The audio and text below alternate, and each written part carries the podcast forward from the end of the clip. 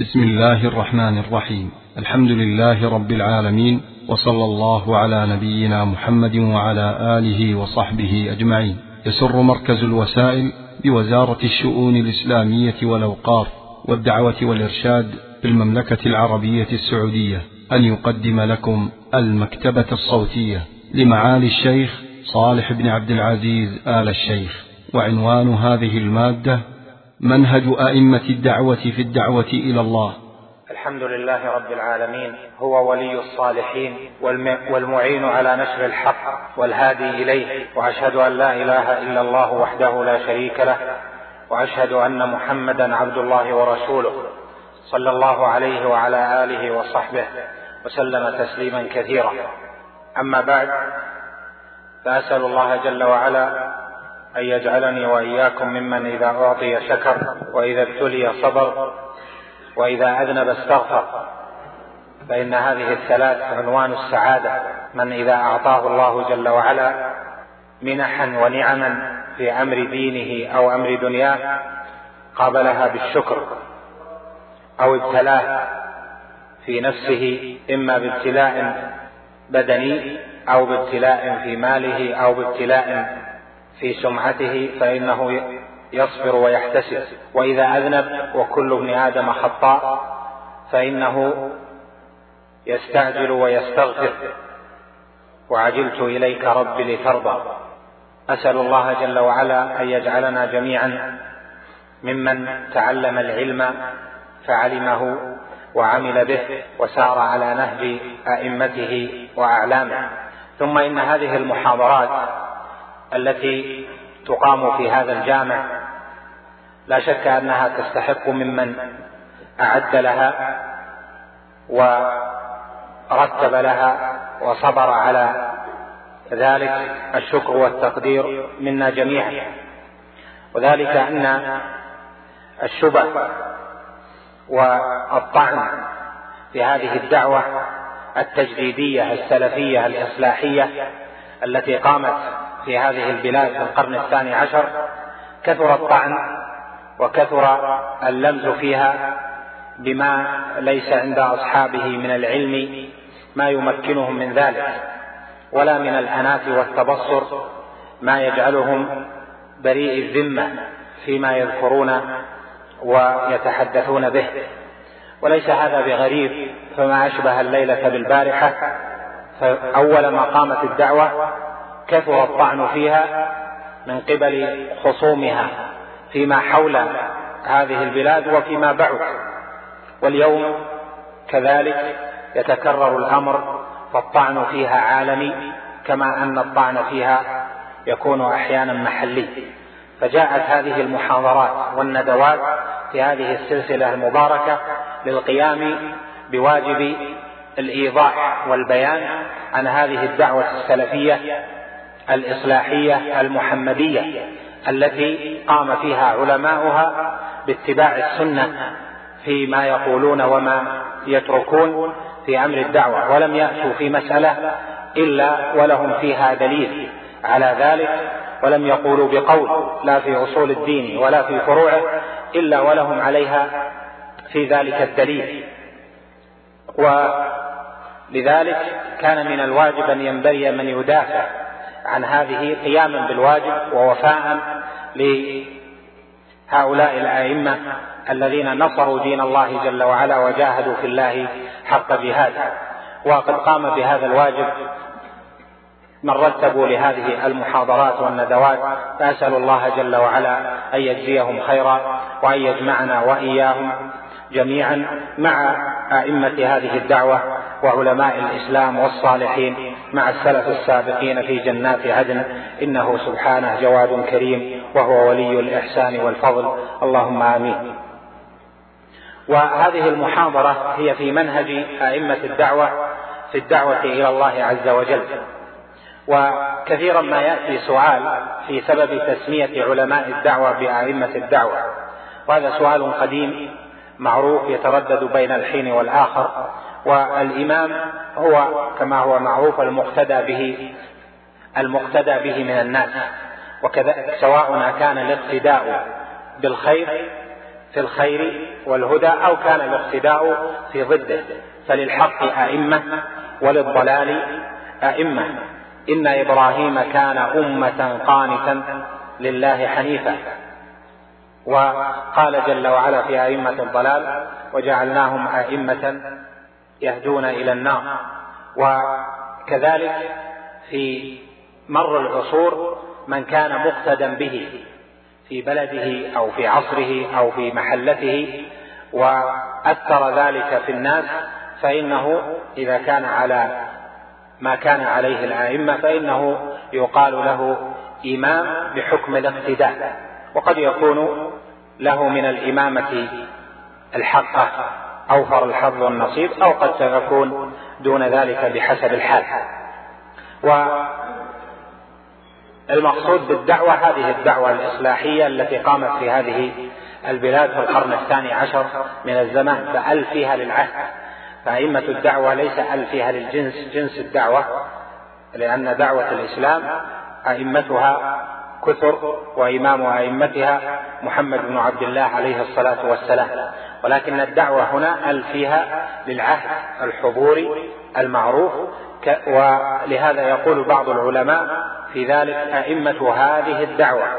منهج أئمة هذه الدعوة يعني الدعوة المعروفة حتى يوضح الفرق ما بين الدعوة بإطلاق والدعوة السلفية التجديدية. أما أئمة دعوة الإسلام فهم صحابة رسول الله صلى الله عليه وسلم ومن سار على نهجهم من الأئمة أئمة التابعين والأئمة المتبوعين وهكذا إلى زمننا الحاضر.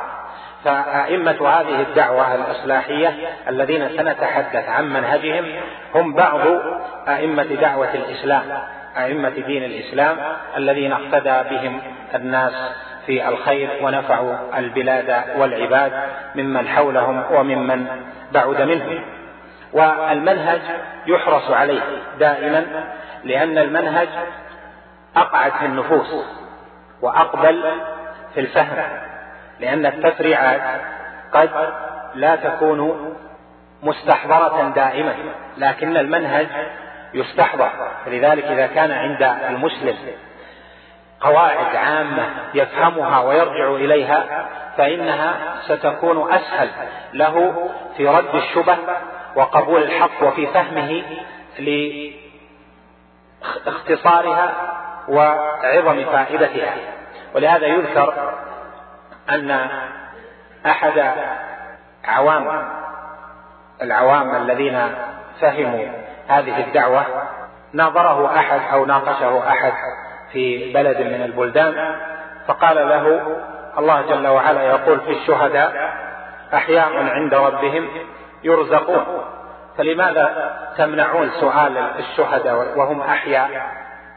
قال له بحكم فهمه للمنهج والتأصيل العام وإن لم يكن طالب علم في نفسه قال الله جل وعلا قال يرزقون ولم يقل يرزقون. والذي يرزق يدعى له والذي يرزق هو الذي يدعى له.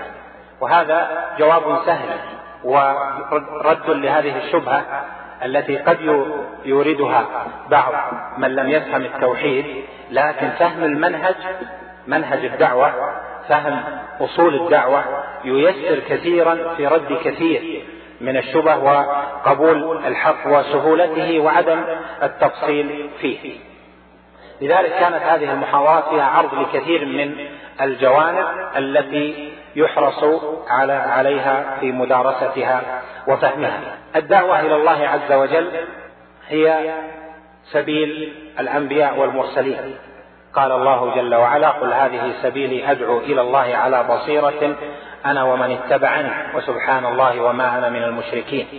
الدعوة إلى الله جل وعلا مأمور بها أمر إما إيجاب أو استحباب إما عيني أو كفائي بحسب الحال.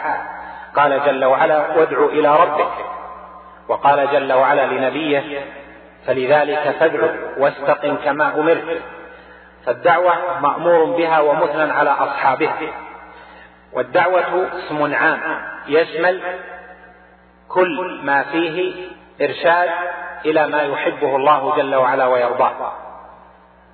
فالدعوة إلى التوحيد دعوة والدعوة إلى الفرائض وأركان الإسلام دعوة والدعوة إلى أحكام الفقهية دعوة والمواعظ دعوة ورد الشبه دعوة وتأليف الكتب دعوة وإرسال الرسائل دعوة والأمر بالمعروف والنهي عن المنكر هو أيضا يدخل في الاسم العام للدعوة وإن لم يدخل في الاسم الخاص عند الاقتران لقوله تعالى كنتم خير ولتكن منكم أمة يدعون إلى الخير ويأمرون بالمعروف وينهون عن المنكر وما فيه نصح للناس وسعي في حوائجهم بإرشادهم وبيان ما يحتاجون إليه دعوة فاسم الدعوة يشمل كل ما فيه تبليغ للدين كل ما فيه إبلاغ لرسالة الله جل وعلا سواء كان ذلك في أمور الدين العظام أم كان في تفاصيل الدين. ولذلك كان اسم الدعوة من الدعاء إلى الخير. فالدعاء إلى الخير هذا اسم عام. فكل من لديه علم قل أو كثر فعليه أن يدعو إلى الله جل وعلا بحسب ما لديه من العلم تفصيله لكن هذه الدعوة إذا أردنا أن ننظر إليها في منهج علمي لا بد من تقسيم أركانها حتى يفهم تفاصيل طريقة أئمة الدعوة في ذلك. دعوة فيها كما يسمى في لغة العصر المضمون أو المحتوى أو الموضوع يعني ما يدعى إليه. ما هو؟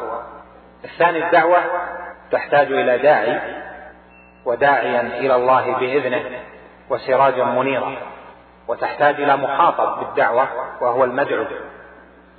تحتاج إلى وسيلة تبلغ بها الدعوة وتحتاج إلى منهج. فحقيقة الدعوة أي دعوة؟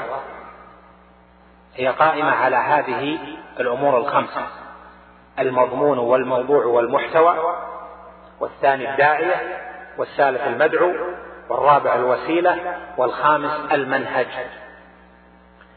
وسنعرض لكل واحد منهما بإلماحة سريعة مع بيان لبعض النقول عن أئمة الدعوة رحمه الله تعالى فيما يبين هذا المنهج. أما مضمون هذه الدعوة فخلاصته في تحقيق الشهادتين.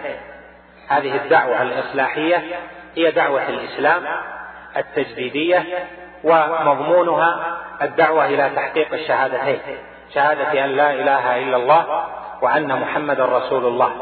والعناية بالوسائل التي تعين على ذلك الوسائل الدينية التي تعين على ذلك. ولا إله إلا الله كما هو معلوم معناها لا معبود حق إلا الله. وكل معبود سوى الله جل وعلا فهو باطل عبد بالبغي والظلم والطغيان والاعتداء من البشر. فالدعوة إلى عبادة الله وحده هذا هو مضمون هذه الدعوة. والكفر بالطاغوت ومعناه الكفر بعبادة غير الله جل وعلا هذا هو مضمون هذه الدعوة. ثم شهادة أن محمد رسول الله. وقد بينها الشيخ محمد بن عبد الوهاب رحمه الله تعالى في قوله إن معنى شهادة أن محمد رسول الله طاعته فيما أمر وتصديقه فيما أخبر واجتناب ما نهى عنه وزجر وألا يعبد الله إلا بما شرع. فبالتالي جمع الشهادتين مضمون هذه الدعوة. فمضمون هذه الدعوة وما تدعو إليه. هذه الدعوة السلفية الإصلاحية التجديدية مشتمل على هذه الأمور الستة. الأول الدعوة إلى التوحيد وعبادة الله وحده ووسائل ذلك المتنوعة أو ما يؤدي إلى ذلك. والثاني الدعوة إلى الكفر بالطاغوت وهو طاغوت هو عبادة غير الله جل وعلا. فمن يؤمن بالله فمن يكفر بالطاغوت ويؤمن بالله فقد استمسك بالعروة الوثقى. والعروة الوثقى هي كلمة التوحيد. الثالث أن يطاع النبي صلى الله عليه وسلم فيما أمر في جميع الأوامر ومنها الأركان العملية في الإسلام الصلاة الزكاة الصيام الحج وسائر ما أمر به النبي صلى الله عليه وسلم أو بلغه من أمر الله جل وعلا. الرابع تصديق الأخبار. فما أخبر به عليه الصلاة والسلام أو جاء في القرآن خبرا عن الله جل وعلا فإن التصديق به من مضمون هذه الدعوة والدعوة إليه من أصول هذه الدعوة. والخامس اجتناب ما عنه نهى عليه الصلاة والسلام وزجر فما زجر عنه عليه الصلاة والسلام وأخبر بتحريمه ونهى عنه نهي تحريم فإنه يجب الدعوة إلى ذلك لأنه من دين الله جل وعلا. والسادس والأخير ألا يعبد الله إلا بما شرعه رسول الله صلى الله عليه وسلم. وفي هذا السادس إبطال لجميع أنواع المحدثات في الدين. وأنواع البدع والخرافات وما جر إلى ذلك البدع الاعتقاديه والعملية والعلمية وما جر إلى ذلك والحديث عن ذلك واسع وقد جاء في إحدى المحاضرات في تفصيل هذه المسائل. فإذا الدعوة في محتواها بسيط ليست دعوه تخاطب العقل الفلسفي وليست دعوه أيضا تخاطب السلوك الصوفي.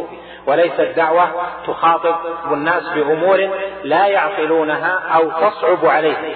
ولذلك كانت الاستجابة لها كبيرة ومضطردة في العالم كله لأنها سهلة ميسورة وهي دعوة تناسب الفطرة لأنها دعوة الإسلام الصحيح.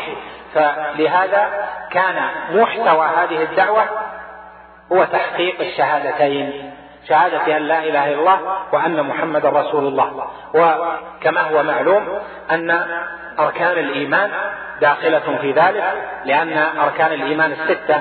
الإيمان بالله هو في معنى شهادة لا إله إلا الله وبقية الأركان الإيمان بملائكته وكتبه ورسله إلى آخره فهو داخل في التصديق بما أخبر رسول الله صلى الله عليه وسلم. كذلك الإحسان داخل في ذلك كذلك تفاصيل الدين داخلة فيه لأن الدين إما أمر تستجيب إما أمر فيجب عليك أن تستجيب له أو أمر يستحب لك أن تستجيب له وإما أمر وإما نهي يحرم عليك أن تقتحمه أو يكره لك أن تقتحمه بحسب التفاصيل. وهذا داخل فيما ذكرنا فيجمع الدين كله.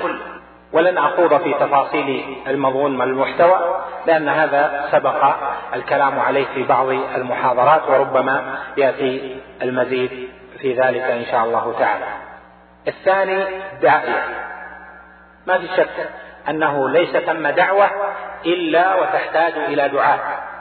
فما يمكن أن الدعوة تقوم على واحد أو على اثنين أو ثلاثة؟ لا بد من دعاة يحملونه. والدعوة في احتياجها إلى داع هذا يقتضي أن يهيأ الداعية ليحمل هذه الدعوة.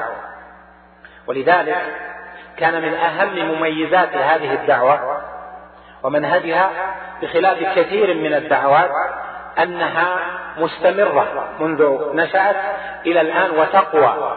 لماذا؟ لأن فيها العناية بالداعية. وكثير من الدعوات بدأت واضمحلت وربما انحرفت إلى مسير مسير آخر لأن التربية الدينية العلمية الشرعية ضعفت وصارت إلى أنحاء شتى فلم تكمل المسيرة وضعفت. حتى بعض الدعوات المنتسبة إلى الدعوة الإصلاحية أو الدعوة السلفية فتجد أنها في بعض البلدان ضعفت. في بعض البلدان دعوة أنصار السنة المحمدية تجد أنها ضعفت لأنها لم تهتم بالداعية إنما اهتمت بالمحتوى اهتمت بالمنهج اهتمت بالأسلوب كما سيأتي. لكن الداعية لم يخرجوا أجيالا من طلبة العلم يحملون هذا اللواء. وإذا لم يوجد هذا الهم في, في أن يكون هناك من يحمل لواء الدعوة والدعاء فإنه حينئذ سيأتي يوم تضعف وتضعف وتضمحل.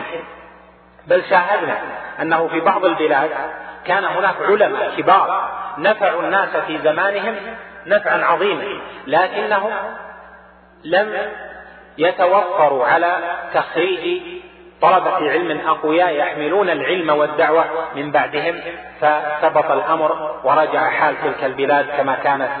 عليه. لذلك كان من الأشياء التي اهتمت بها هذه الدعوة إيجاد الدعاء. والداعية من هو؟ الداعية هو العالم. الداعية هو طالب العلم. ليس الداعية هو الجاهل. من شروط الداعية أن يكون على بصيرة أن يكون عالما أن يكون طالب علم. فحق من هم الدعاة؟ الدعاة هم العلماء وطلبة العلم الذين يعلمون فيدعون إلى ما إلى ما يعلمونه. هناك وعاظ هؤلاء لا يسمون دعاة أو مرشد هذا لا يسمى داعية واعظ فيما يتعلق بأمر معين في في ترقيق القلوب ونحو ذلك كما كان السلف يسمونهم القصاص والمذكرين.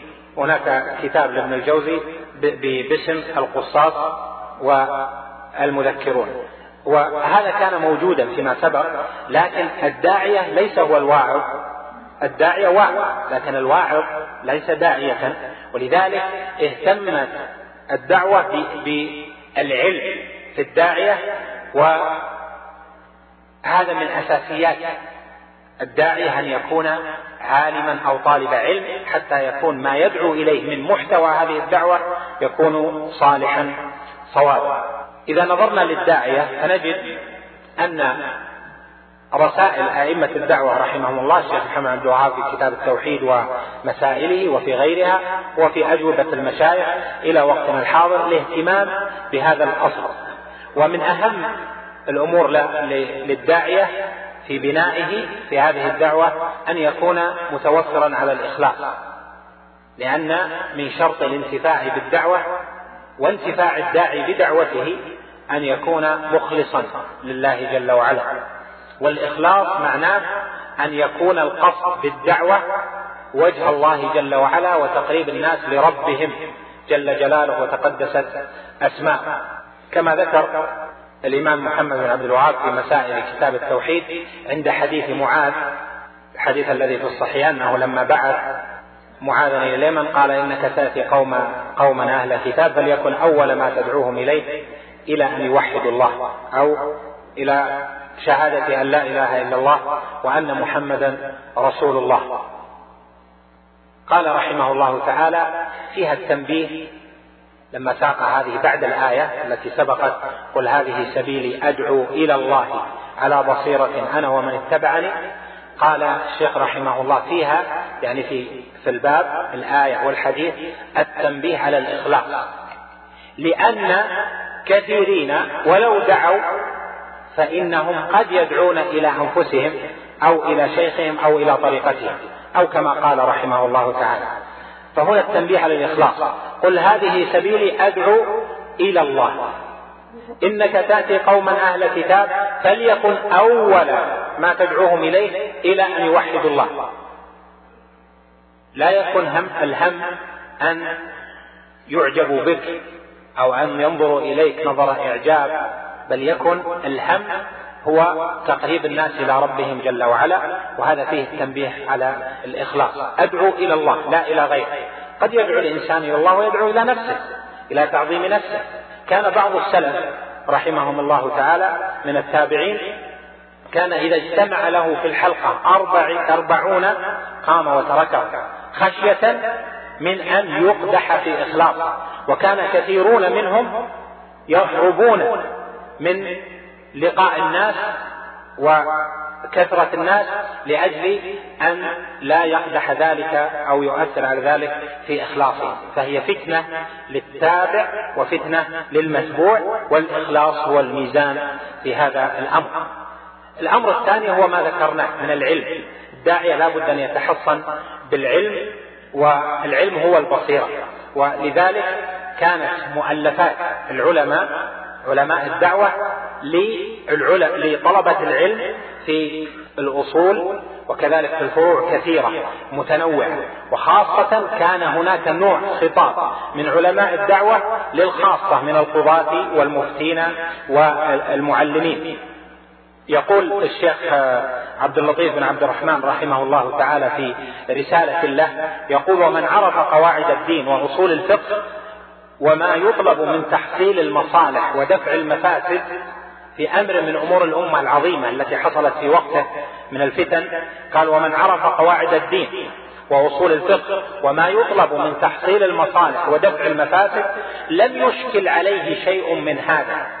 وليس الخطاب في هذه المسائل وتقعيد المسائل ليس الخطاب مع الجهلة والغوغاء.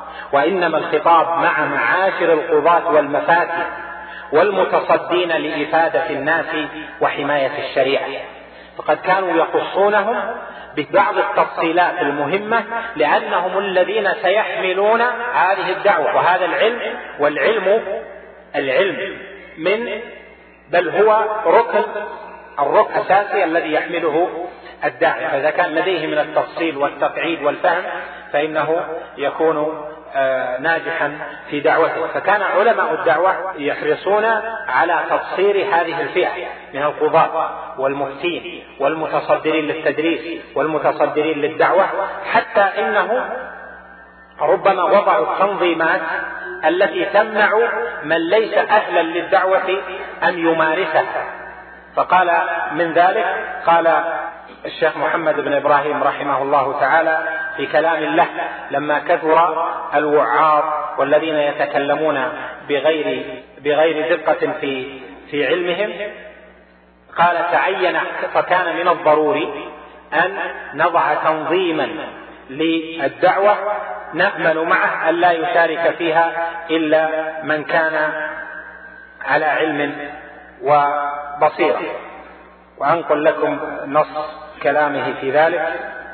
قال رحمه الله تعالى الشيخ محمد إبراهيم في الفتاوى حرصا على المصلحة ومنع الفوضى فقد رأينا من الضروري وضع تنظيم كفيل بأن لا يتولى التدريس والوعظ والإرشاد إلا من كان كفوا وأهلا لذلك. وهذا لأجل الاهتمام بأن تكون الدعوة محمولة من دعاة عندهم الأهلية الكافية في الدعوة إلى الله جل وعلا. فلم يكن الأمر عند الآئمة والعلماء علماء الدعوة أن يفتح الباب على مصراعيه بل كانوا يعتنون بطلبة العلم والدعاة في تربيتهم وتأهيلهم وألا يتصدى للناس إلا من كان معتنيا بهذه الدعوة. أيضا اعتنوا في الداعية في أن يكون ممتثلا للشرع وتطبيق الدين والحرص على امتثال أوامره والتأسي بالنبي صلى الله عليه وسلم وبعد الداعي عن المنكرات في أموره الظاهرة وأموره الباطنة وأن يكون قدوة حسنة لأهله وطلابه ومجتمعه. وهذا فيه من النقول الكثير لأن القدوة الحسنة لا تكون إلا ب في قبول الدعوة إلا بالامتثال. فإذا كان هو لا يمتثل يأمر الناس إلى شيء ولا يمتثله فإنه حينئذ يكون مضرا بالدعوة. كذلك الأمر الرابع اهتموا بتزكية النفس. وهذه من الأصول المهمة في تربية طلاب العلم والعلماء في تزكية النفس والحرص على زيادة الإيمان وتقويته.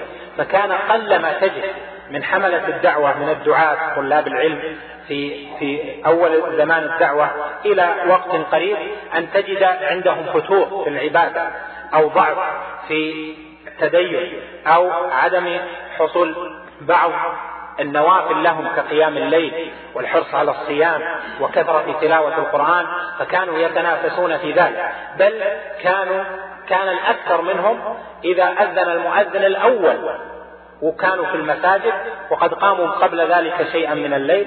لا شك أن الزمان اختلف وحصل بعض بعض المتغيرات فيما يعين على مثل هذا لكن كان من الأساسيات عندهم لحمل الدعوة أن يمتثلوا سنة النبي صلى الله عليه وسلم فيما أمره الله جل وعلا فيه بقوله يا أيها المزمل قم الليل إلا قليلا نصفه أو انقص منه قليلا أو زد عليه ورتل القرآن ترتيلا أنا سنلقي إلى ان قال أنا سنلقي عليك قولا ثقيلا. فالقول الثقيل هو هذا الدين. فهذا الدين والعلم وليس بالأمر السهل. ولما سئل الإمام مالك رحمه الله تعالى عن مسألة فأرجع الجواب عليها الإمام مالك بن أنس إمام دار الهجرة. قالوا قال له بعض طلابه هذه مسألة سهلة. فالتفت إليه فقال ليس في مسائل الدين شيء سهل. قال الله تعالى إنا سنلقي عليك قولا ثقيلا. وذلك لأجل أن أن الداعي العالم طالب العلم مبلغ عن رب العالمين. يحتاج إلى ثبات وقوة وعلم حتى يخلص من التبعة فيما يبلغه من دين الله جل وعلا. فكان من سمات الدعاة وطلبة العلم العلماء في هذه الدعوة أنهم كانوا أهل تعبد وأهل صلاح وأهل نسك وأهل متابعة فيما يأتونه لسنة النبي صلى الله عليه وسلم حرصا على الواجبات وابتعادا عن المحرمات وكذلك حرصا على النوافل كذلك فيما يتعلق بالمناصحة. كان بعضهم يناصح بعضا ويعين بعضهم بعضا فيما يهتمون به من أمر الدين. كانوا أيضا من صفاتهم التي ربوا عليها أنهم كانوا أهل عفة في اللسان. ليسوا بأهل وقيعة ليس لذلك لم يعرف أن أحدا منهم وقع بعضهم في بعض أو كان بعضهم يسيء إلى البعض في قوله ومقاله إلا ما ندر وكانت هناك مناصحات وترك ذلك كما حصل بين بعض المشايخ في فترة ما. كان القصد من ذلك الدين وليس الهوى. لكن كانوا كان بعضهم كانوا في ألسنتهم عفيفين ممتثلين لقول الله جل وعلا ولا يغتب بعضكم بعضا ولقوله وقل لعبادي يقول التي هي أحسن إن الشيطان ينزغ بينهم. ولقوله عليه الصلاة والسلام كل المسلم على المسلم حرام دمه وماله وعرضه.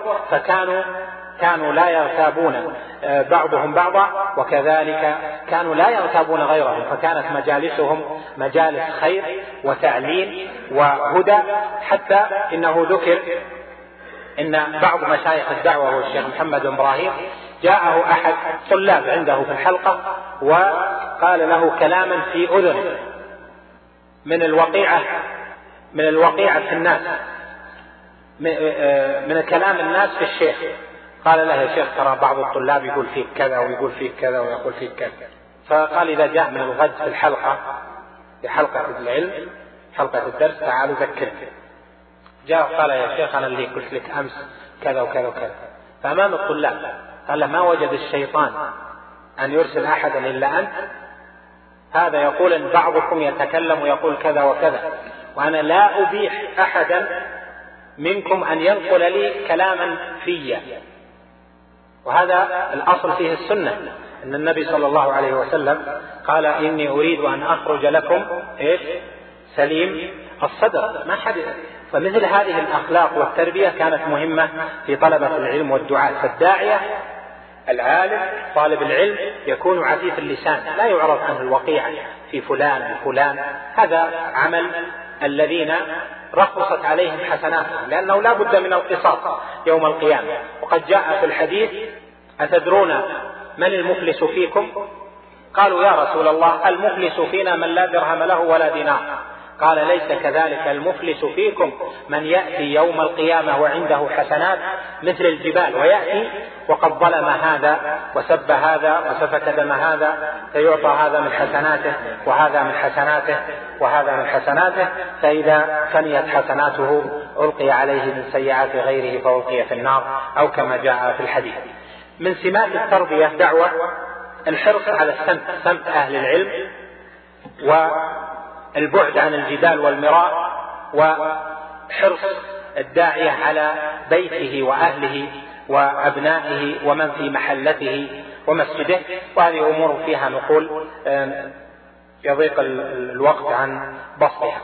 الثالث الكلام في المدعو. الداعية يتوجه بدعوته إلى شيء. الدعوة متوجهة إلى أناس بمحتوى الدعوة. عن طريق الداعية المدعو من؟ يعني الدعوة تخاطب من؟ لا شك أن الدعوات تنوعت. الدعوات المعاصرة تنوعت تنوعا كبيرا. بحسب منهج الدعوة والهدف منها. فإذا كان الهدف من الدعوة هدف سياسي فتجد أن الحرص لا يكون على عامة الناس ولا على إنقاذ المسلمين. ولا على تبصير العام المسلمين وإنما على الخاصة فتجد أن بعض الدعوات يكون المخاطب فيها تتجه إلى المثقفين تتجه إلى الطلاب تتجه إلى الكبار تتجه إلى الأغنياء تتجه بحسب هدف الدعوة. لكن دعوة الإسلام إنما هي لإنقاذ الناس من النار والسعي بهم إلى جنة الرحمن جل وعلا. ولذلك كان الخطاب في الدعوة الإسلامية من أول يوم متجه إلى الجميع إلى الكبير والصغير إلى الذكر والأنثى إلى صاحب البادية وصاحب الحضر إلى الأعمى والبصير. حتى إنه عتب الله جل وعلا على نبيه عليه الصلاة والسلام أنه تصدى لمن كان غنيا وترك الأعمى. أما عبس وتولى أن جاءه الأعمى ثم قال أما من استغنى فأنت له تصدى وما عليك ألا يزكى. هذه الدعوة الإصلاحية أخذت بهذا الأصل فالمدعو فيها من؟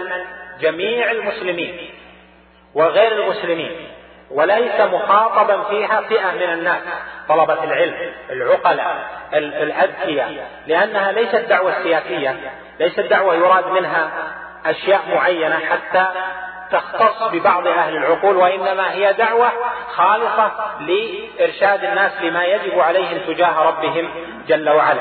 لهذا كان من سمات المدعوين في هذه الدعوة أنها هذه الدعوة شملت كل فئات الناس بجميع فئاتهم فتوجهت إلى المدن والقرى وتوجهت إلى البادية.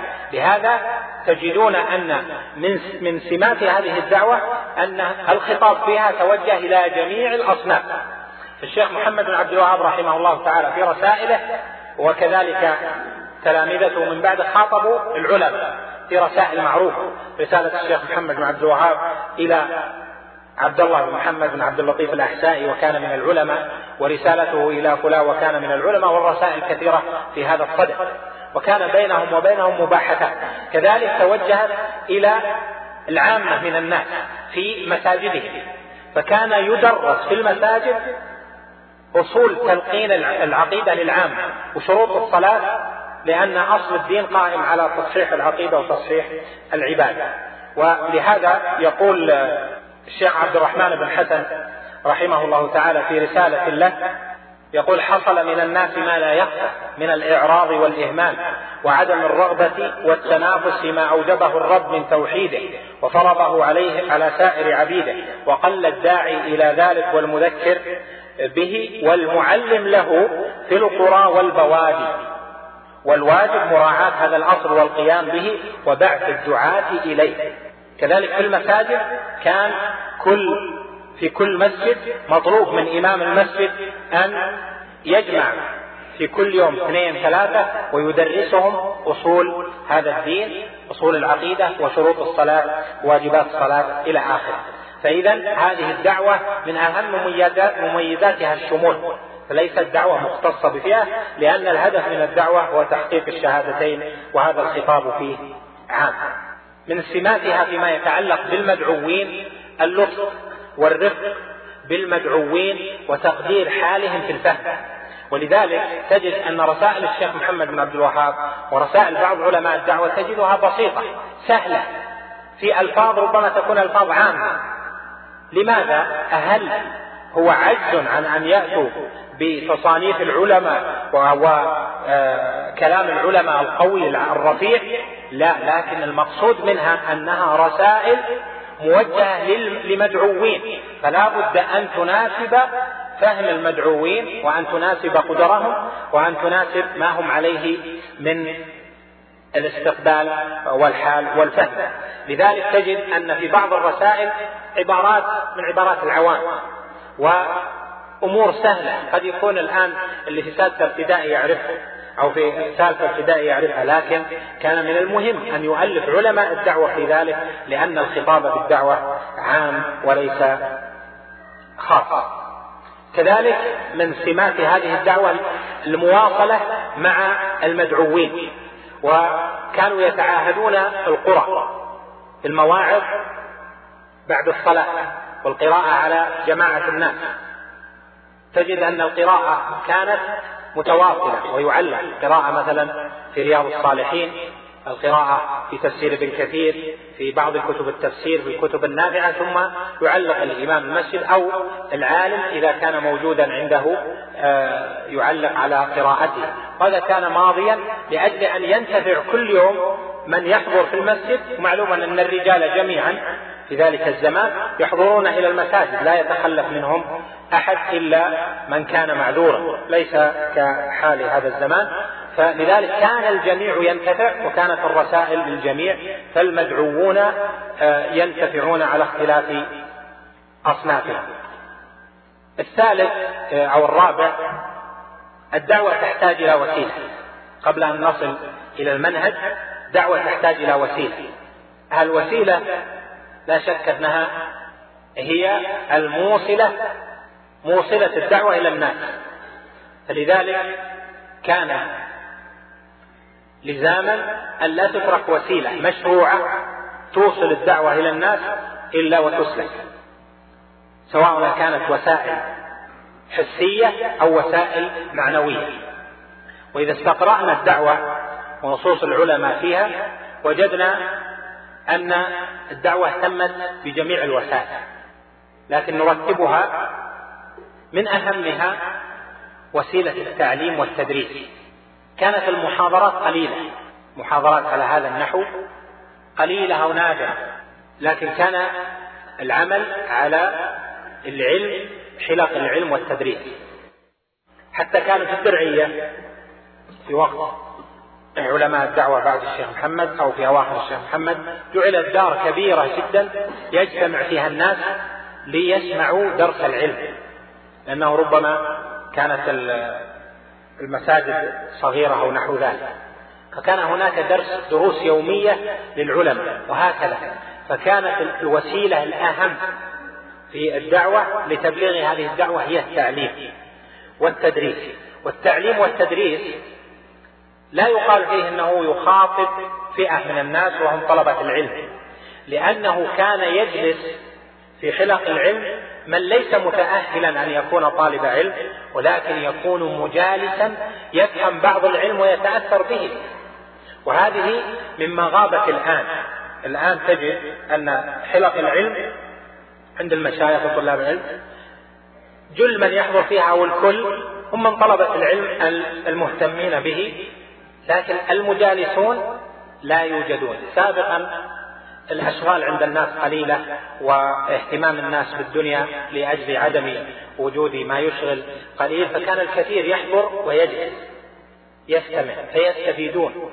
لذلك كانت حلق العلم والتدريس مهمة جدا. وكان من سبب أهميتها في وسيلة الدعوة أنها هي التي خرجت القضاة. خرجت طلاب العلم العلماء طلاب العلم خرجت المصنفين. فالدعوة في الواقع حملت من أول ما نشأت إلى الآن بقوة ولم يزل العلماء يتتابعون وهي واضحة قوية وقل أن تكون دعوة تستمر هذه المدة الطويلة بهذه القوة لأجل توفيق الله جل وعلا أولا وحمايته ونصرته ثم الاهتمام بهذه الوسيلة وهي وسيلة بث العلم والتدريس النافع. المحاضرات هذه مثل المواعظ يتأثر بها الشخص ويذهب. ربما كان تأثرا إيجابيا أو تأثرا سلبيا بحسب الحال. لكن العلم والصبر عليه ينشئ فعلا جيل قوي يحمل الدعوة ويحمل العلم وينفع به. اليوم فيما نرى أن الذين أخذوا من هذه البلاد المباركة المملكة العربية السعودية حرسها الله تعالى أخذوا العلم عن المشايخ في هذا العصر لما انفتح باب السفر وذهب ونفعوا الناس في خارج هذه البلاد بالعشرات بل بالمئات. ما نفعوهم بالمواعظ ولا بال بال بال بالتذكير إنما نفعوهم في الحقيقة بالعلم وتأثر الناس تأثرا عظيما بذلك. وسواء كانوا من الدعاة الرسميين أم كانوا من الدعاة المتجولين الذين ذهبوا من طلاب العلم في دورات أو حلق أو ملتقيات أو نحو ذلك ثم آه، رجعوا ويذهبون بين الحين والآخر. هذه نشرت نشرا عظيما وسبب ذلك أن أعظم ما يكون من الوسائل لنشر هذه الدعوة هو العلم. ولا غير العلم. أما إذا ترك العلم فإنها ستضعف الدعوة وستنحرف لأنه سيكون هناك عقليات ومصالح. وقيل وقال وذهاب عن حقيقة هذه الدعوة إلى آراء أخرى. لذلك نؤكد على أن من سمات المنهج عندهم في وسائلهم الاهتمام بالعلم والتعليم وحلق العلم والتدريس. أيضا كانوا من وسائلهم الوعظ والإرشاد. الوعظ والإرشاد كان يوجد وعاظ ومرشدين يبعثون إلى القرى والبوادي ويعظون الناس بعد الصلوات وهذا لأجل أن الناس يحتاجون كثيرا إلى ما ترقق به القلوب وتحيا به النفوس من التذكير بحق الله واليوم الآخر وما أعد الله جل وعلا فيه. كذلك من وسائلهم معاهدة النصح والأمر بالمعروف والنهي عن المنكر. تعلمون أن وجود طائفة أمة تدعو إلى الخير وتأمر بالمعروف وتنهى عن المنكر هي من حسنات هذه الدعوة وما قامت به الدولة السعودية من أول الدولة السعودية الأولى إلى الآن. وهذا وسيلة مهمة لتبليغ الدعوة. الأمر بالمعروف والنهي عن المنكر هذا من أهم الوسائل.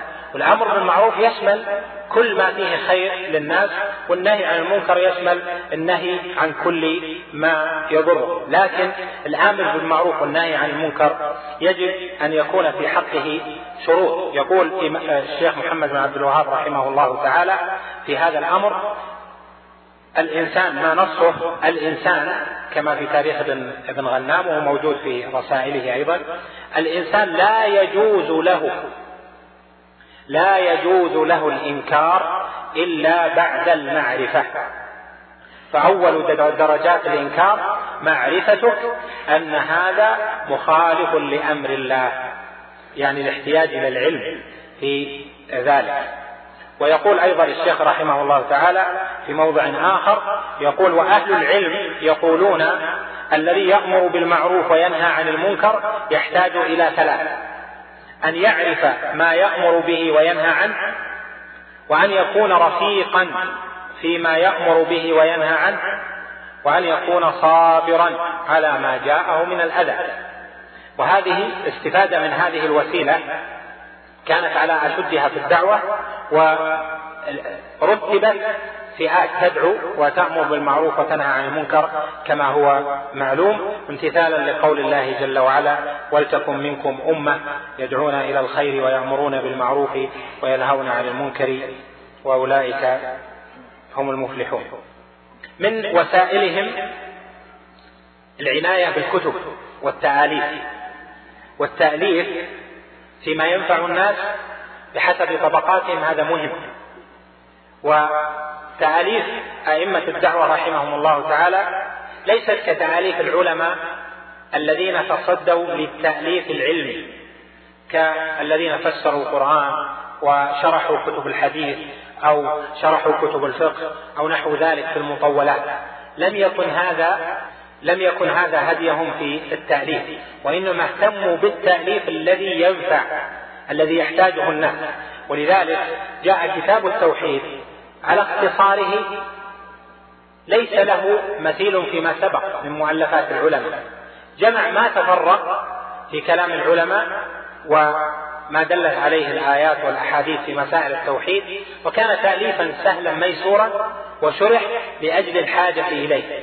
فلم يكن من منهج أئمة الدعوة لم يكن الهدف عندهم أن يقصد أن يقصدوا إلى التأليف. لماذا؟ لأنهم مشغولون بأمر الدعوة. مشغولون بهداية الناس. ولذلك في موضع قال الإمام محمد بن عبد الوهاب رحمه الله قال وقد كتبت لك هذا الجواب في ليل وأنا متعكر البال مما يحصل من الأمور. وإذا كان لديك الرغبة في المزيد من البحث فليكن مشافهة. لا تكتب لي مرة ثانية وبعد ذلك أجلس أنا فترة أكتب لك وأمور كثيرة نعانيها قد لا تهيئ لي الكتابة الكاملة. فتأسيس دولة تأسيس دعوة ونشر ذلك هذا يتطلب أشياء كثيرة. فلذلك كان اهتمامهم بوسيلة التأليف لنفع الناس بحسب الحال.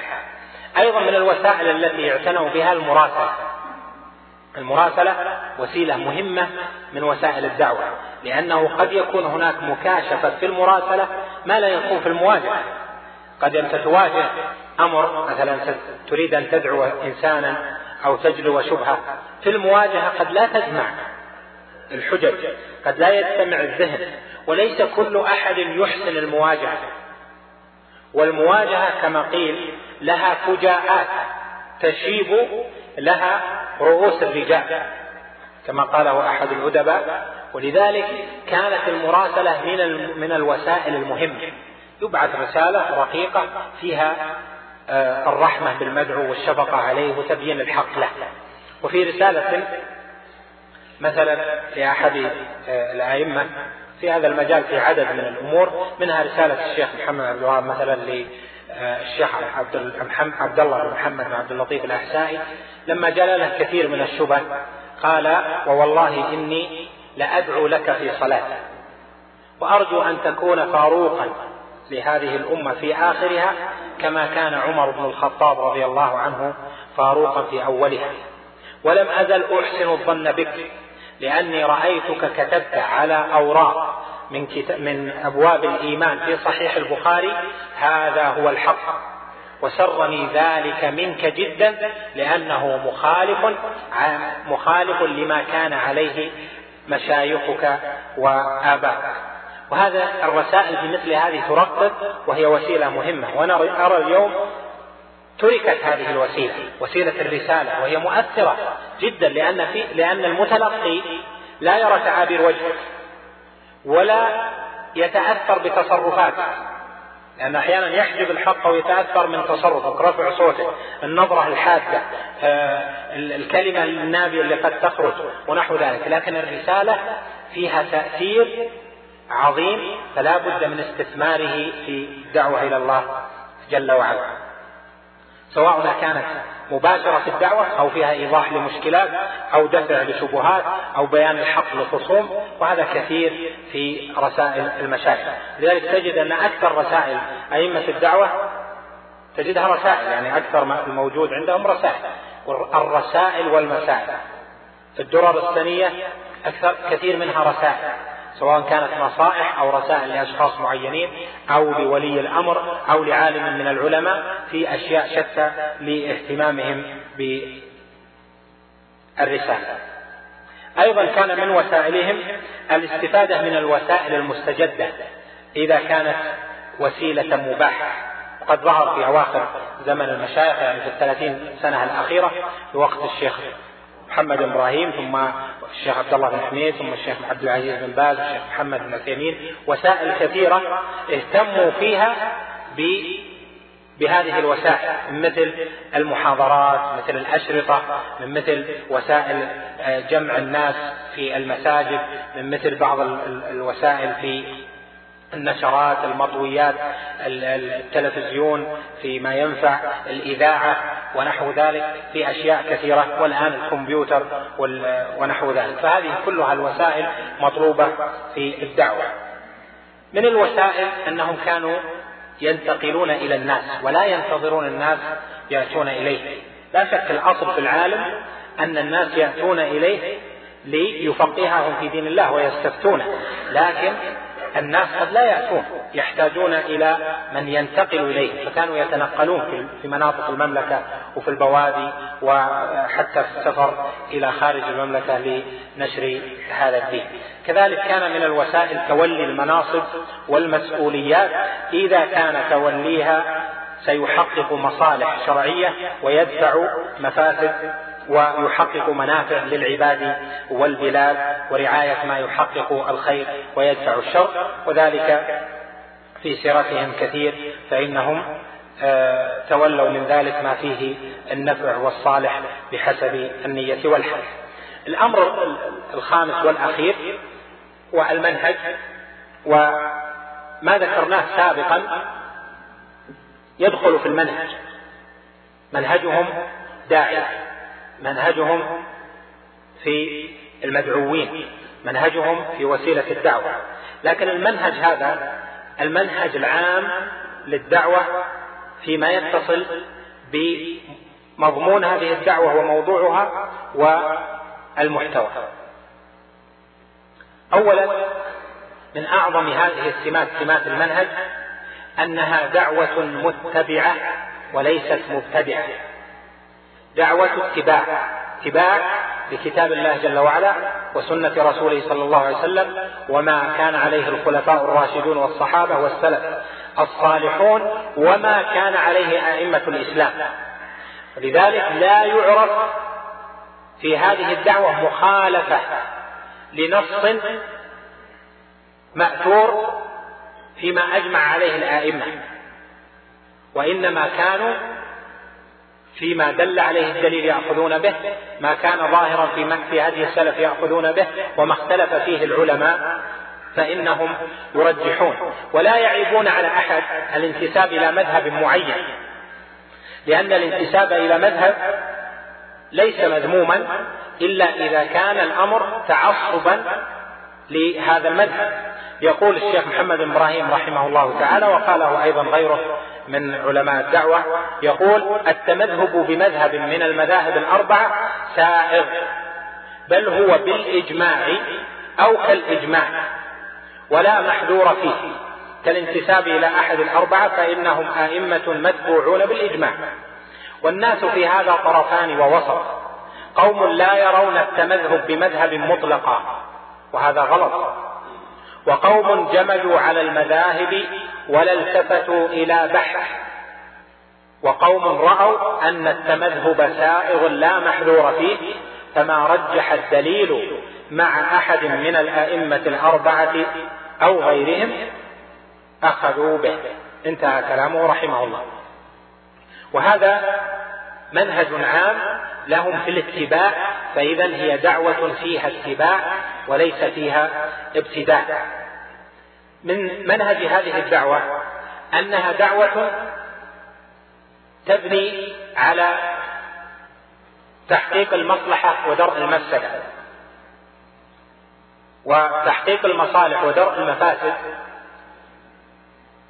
أصل من أصول هذا الدين كما ذكره شيخ الإسلام ابن تيمية ودون في القواعد العامة لهذه الشريعة. يقول يقول العلماء الشريعة جاءت بتحصيل المصالح وتكميلها ودرء المفاسد وتقليلها. هذا أصل من أصول الشريعة. فمنهج الدعوة أن يحرص على تحصيل المصالح وتكميلها وعلى درء المفاسد وتقليلها. فما وجد الداعية سبيلا إلى تقوية المصالح وتقليل المفاسد فإنه يأخذ بذلك. ومن سمات منهجهم أن هذه الدعوة رعت البداءة بالأهم فالمهم. وهو ما يسمى في لغة أهل العصر فقه الأولويات. فقه الأولويات يعني تقديم ما هو الأولى. وهذا يحتاج لا شك إلى علم في أن نعرف ما هو الأولى وما هو الأهم. هذا العلم أحيانا يكون مبني على نص وأحيانا يكون مسألة اجتهاد. لذلك قال رحمه الله آه، في آه، كلامه على حديث معاذ لما قال إنك تأتي قوما أهل كتاب فليكن أول ما تدعوهم إليه كلمة أول فليكن أول ما تدعوهم إليه شهادة أن لا إله إلا الله وأن محمد رسول الله. فإنهم أجابوك لذلك فأعلمهم ترتيب بالفاء. قال رحمه الله في مسائل كتاب التوحيد فيها البداء بالأهم فالمهم. وذلك أن أن أمور الشريعة كثيرة فلا يأتي الداعية في دعوته بكل شيء. كان من سمات الدعوة أنها بدأت بالأهم وأجلت المهم. ولذلك قال رحمه الله تعالى الشيخ محمد في رسالة له أرسلها إلى أحد العلماء في وقته. يقال اسمه عبد الرحمن بن عبد الله. قال السلام عليكم ورحمة الله وبركاته. أما بعد فقد وصل خطابك وسر الخاطر. بالمناسبة قال سلام عليك. عليكم ورحمة الله وبركاته. وهذا سيرة العلماء أنه في الخطابات يكون هناك التسليم الأول والتسليم الأخير. أوله يكون بالتنكير. سلام عليكم. والأخير يكون بالتعريف. والسلام عليكم ورحمة الله. يعني ما يختم به الرسالة يكون معرفا وما يبتدأ به يكون منكرا. قال بعض أهل العلم هذا إذا اجتمع سلامان في موضع فالأول منكر والثاني معرف. والدليل في ذلك في سورة مريم حيث إنه لما ذكر السلام الأول قال الله جل وعلا وسلام يوم ولدت ويوم أموت ويوم أبعث حيا. وفي السلام الثاني قال والسلام علي. فقالوا إذا اجتمع سلامان الأول منكر والثاني معرف بفائدة عربية قال أما بعد فقد وصل خطابك وسر الخاطر. جعلك الله من أئمة المتقين ومن الدعاة إلى دين سيد المرسلين. وأخبرك أني ولله الحمد متبع ولست بمبتدع. لاحظ كيف ترتب الأولويات حتى في خطاب العلماء بعضهم لبعض وفي الدعوة. ما تأتي بكل شيء بل تأتي بالمهمات التي هي أهم وأعظم عند رب العالمين. عقيدتي وديني الذي أدين الله به. مذهب أهل السنة والجماعة الذي عليه أئمة المسلمين مثل الأئمة الأربعة وأتباعهم إلى يوم القيامة. لكني بينت للناس إخلاص الدين لله ونهيتهم عن دعوة الأحياء والأموات من الصالحين وغيرهم وعن إشراكهم فيما يعبد الله به. من الذبح والنذر والتوكل والسجود وغير ذلك مما هو حق لله الذي لا يشركه فيه ملك مقرب ولا نبي مرسل. وهذا فيه ترتيب لما ينبغي أن تكون عليه. خاطبهم بشيء والأصل العام. ولما سئل في موضع قال له إنكم تكفرون الناس. فقال لا نحن لم نكفر إلا ما أجمع أهل ما أجمع المسلمون واجمع أهل العلم على التكفير به. وكذلك في موضع قال قاتلتم الناس قال لم نقاتل إلا ما أجمع العلماء على المقاتلة عليه. وهكذا في مثل ذلك. من سمات هذه الدعوة ومنهجها أنها اهتمت بالعلم المؤصل بالدليل والترجيح بين كلام أهل العلم في مسائل الفروع وفي مسائل التوحيد والعقيدة اخذ ما دلت عليه الأدلة وأجمع عليه أهل العلم من أئمة الإسلام الذين يصار إلى قولهم في مثل هذا.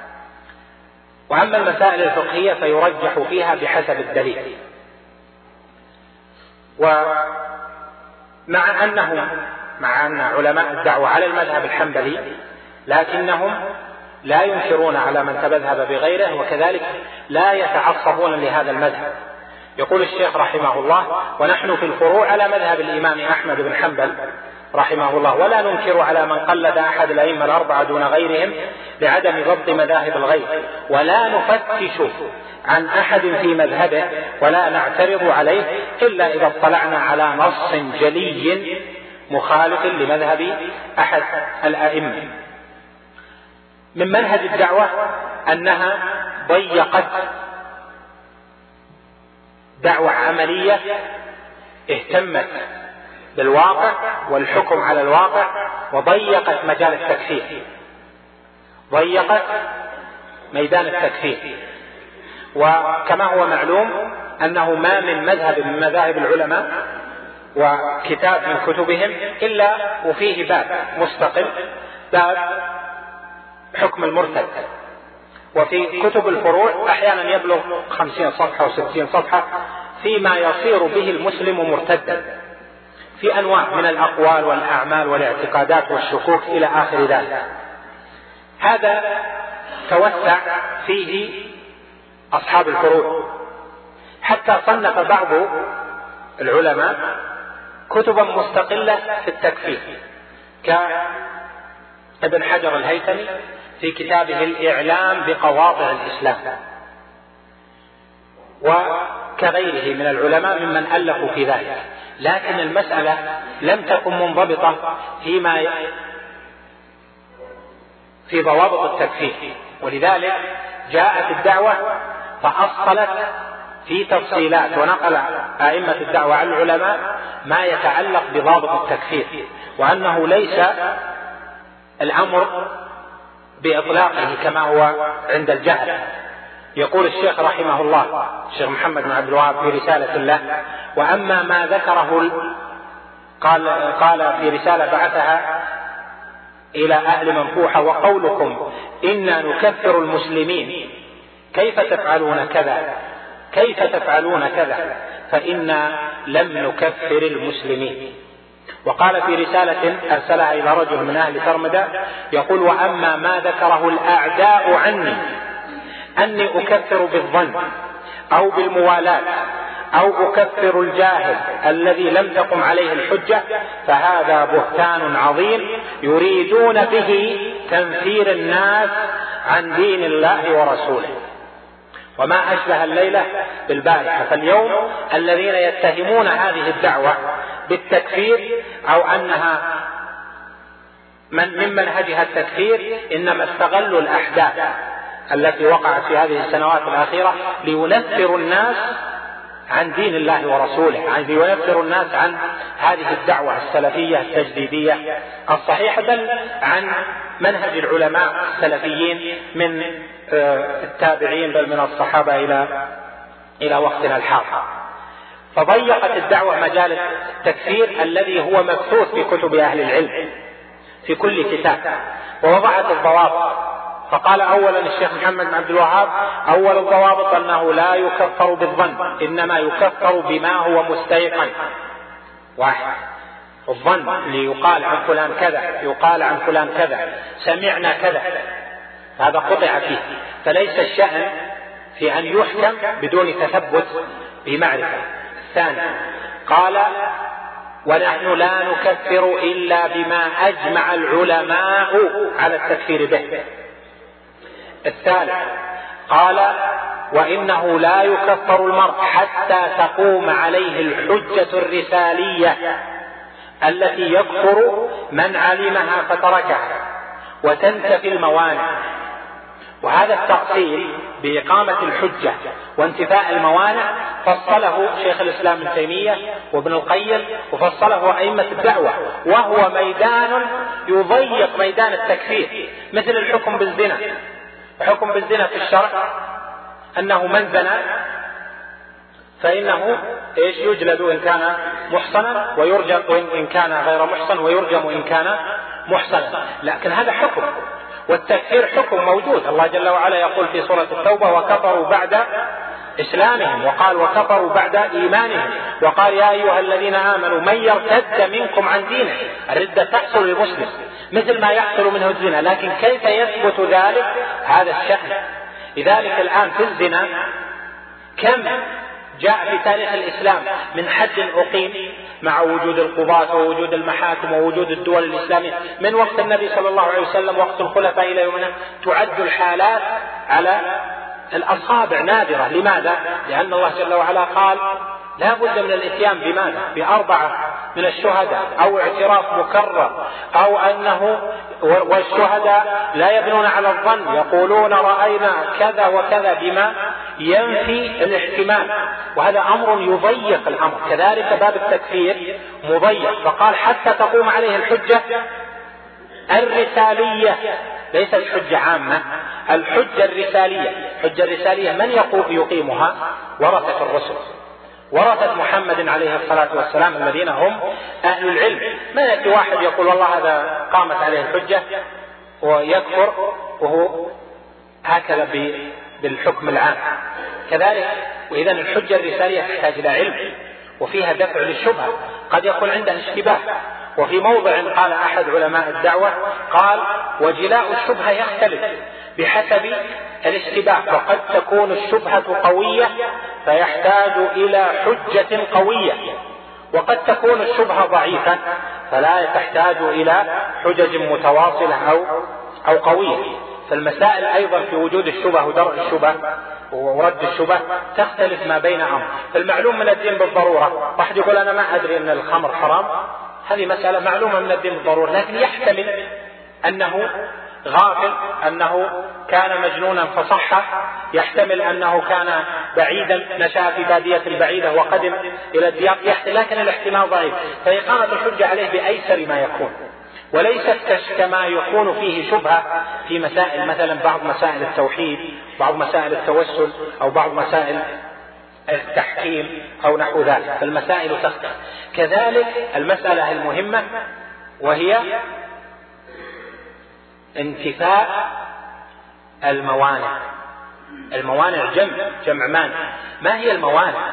يوجد موانع تمنع من الحكم بالتكفير. وهذه فصلها أئمة الدعوة. لكن في كتب الفقه قبل المشايخ تجدها عامة. الكلام فيه تعميم. لكنهم العلماء لأجل عنايتهم بتضييق هذا الأمر وأن لا يحكم على أحد إلا وهو مستحق له بحكم شرعي واضح قالوا لا بد من انتفاء الموانع. الموانع ما هي؟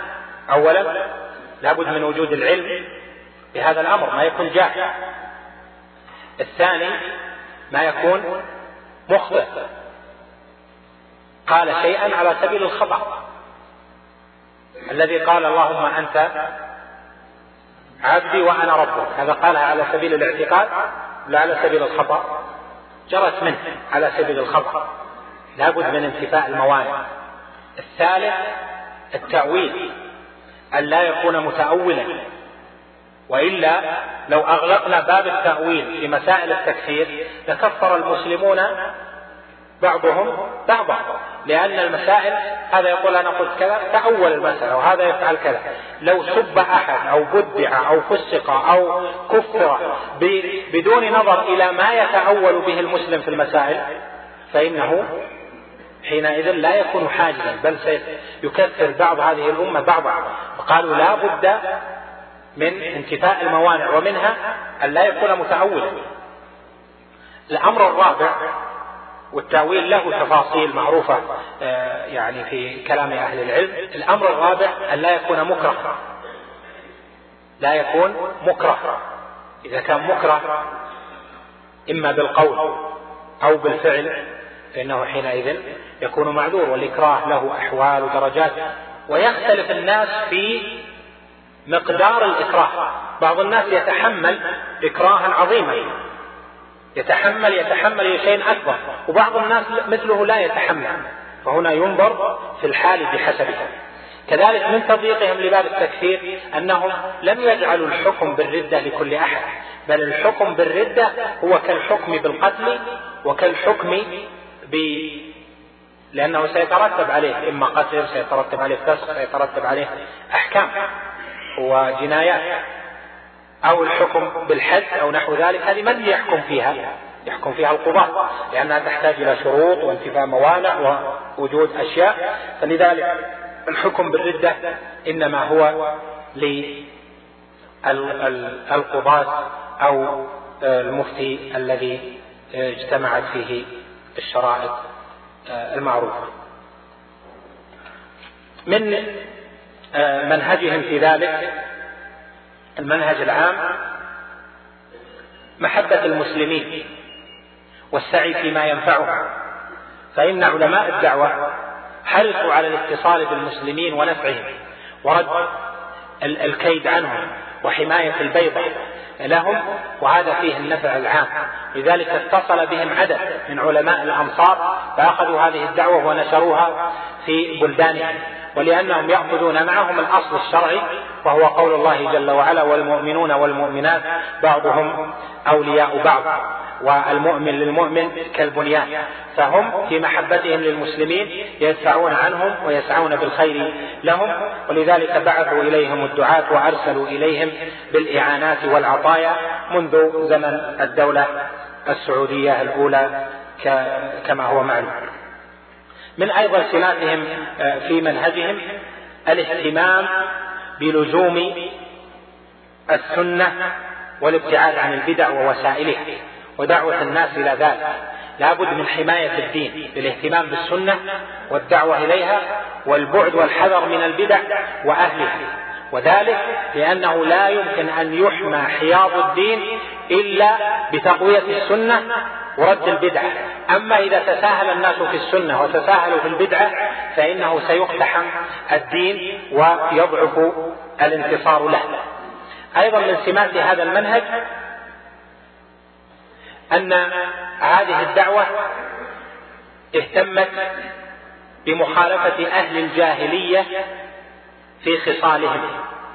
وألف الشيخ محمد بن عبد الوهاب إمام هذه الدعوة التجديدية الإصلاحية رسالته المعروفة مسائل الجاهلية وكانت الثلاث مسائل الأولى منها الأولى في التوحيد والثانية في طاعة الرسول صلى الله عليه وسلم والنهي عن البدع والثالثة في طاعة ولاة الأمر.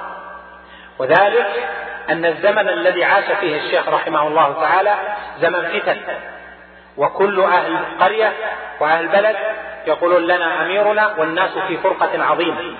فعظم الأمر وشدد على السمع والطاعة ولزوم البيعة لولي الأمر الذي بايعه المسلمون في ذلك. ورب الناس على ذلك تربية شديدة لأنه لن يصلح حال الناس إلا بالالتزام بهذا الأصل.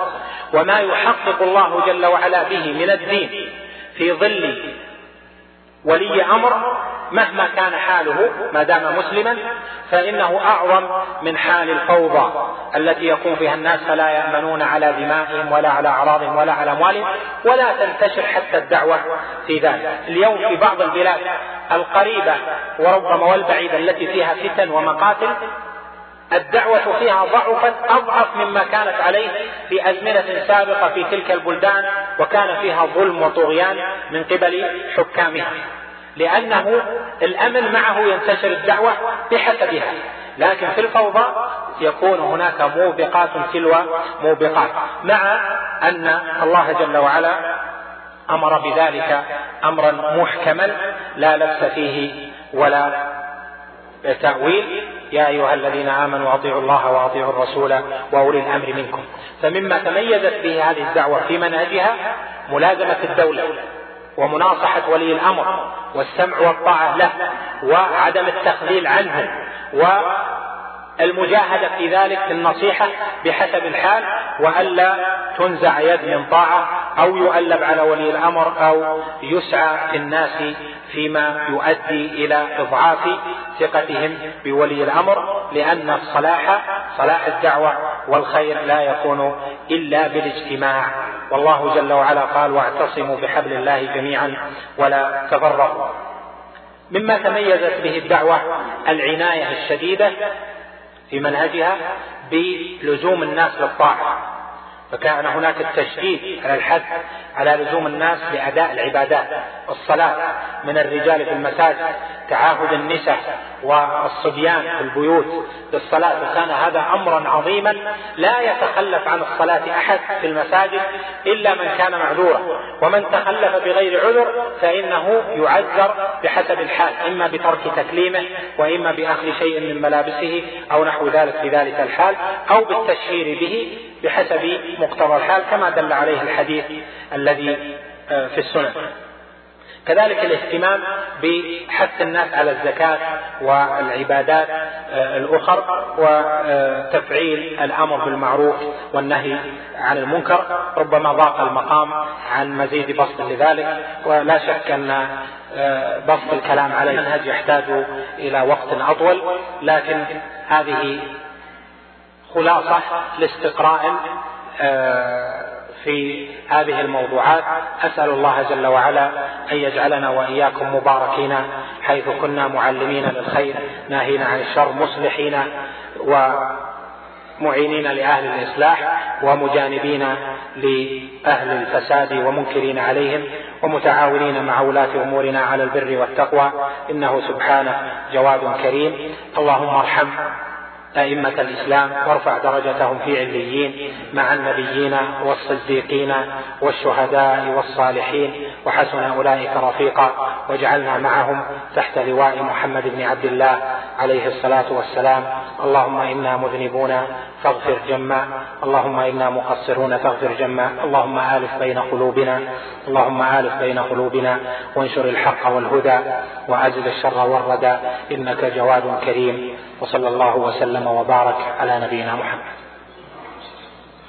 جزا الله الشيخ خير الجزاء. وجعل ما قال في موازين حسناته. وجعل ما سمعنا حجة لنا لا حجة علينا وهناك بعض الأسئلة نعرض بعضها على الشيخ. يقول أحسن الله إليكم ذكر أحدهم في كتاب له أن عقيدة الشيخ محمد بن عبد الوهاب توافق عقيدة السلف جملة. فهل في تفاصيل عقيدة الشيخ ما يخالف عقيدة السلف؟ الحمد لله رب العالمين. كلمة جملة الظاهر لي من من كلامه أنه يقصد بلا استثناء. أنها تستعمل كلمة جملة يعني بلا استثناء. يعني جملة لا يخالفهم يعني لا يخالفهم في شيء. وقد تطلق كلمة جملة بأن المراد بها في الأصول ولكن قد يخالفهم في مسائل وهذا إن كان مراد القائل فليس بصحيح فلا يعرف عن هذه الدعوة ولا الدعوة السلفية بعامة ودعوة أهل الحديث آه، أنها خالفت بل هي الداعية إلى لزوم منهج السلف في الأصول والفروع. أحسن الله إليكم. يقول ما الفرق بين بيان الحجة وإقامة الحجة؟ إقامة الحجة تشمل أشياء. تشمل أولا سرد الحجة. إسماع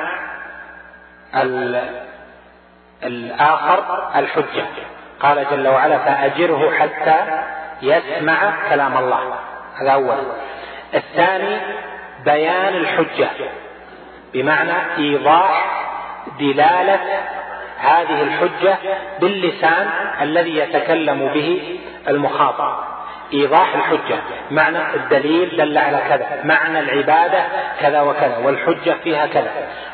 الثالث إزالة الشبهة إن كان عند المتلقي الشبهة.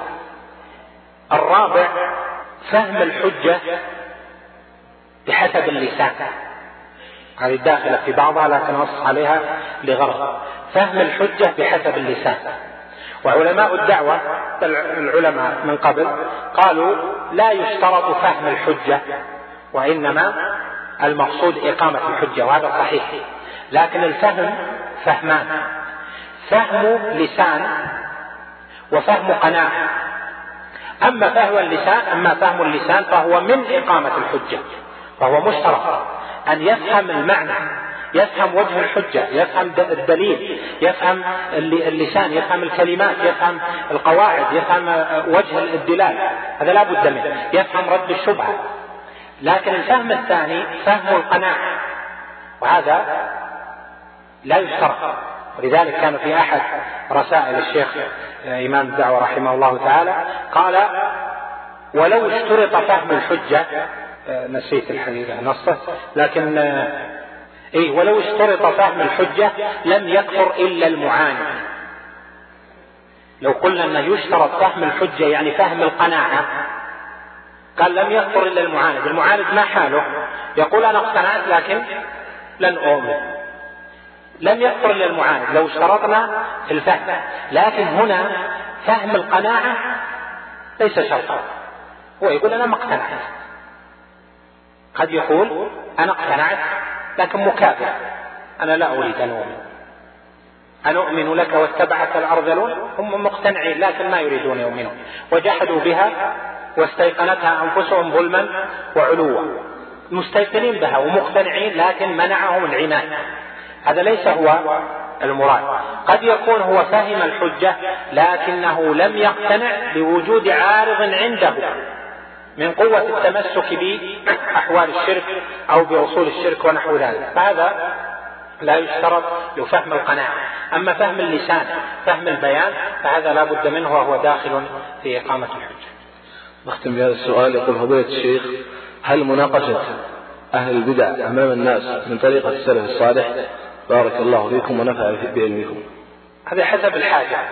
إذا كانت من باب المناظرات التي لو تركت فصار ضرر من تركها أو لتولاها من لا يحسن فإنه لا بأس من ذلك لأنها تصير من قبيل المناظرات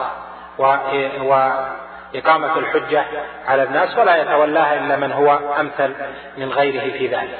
أما في الأصل فإنه لا يصار إليها لكن يصار إليها عند الحاجة والضرورة إلى ذلك. مع تحيات مركز الوسائل بوزارة الشؤون الإسلامية والأوقاف والدعوة والإرشاد بالمملكة العربية السعودية.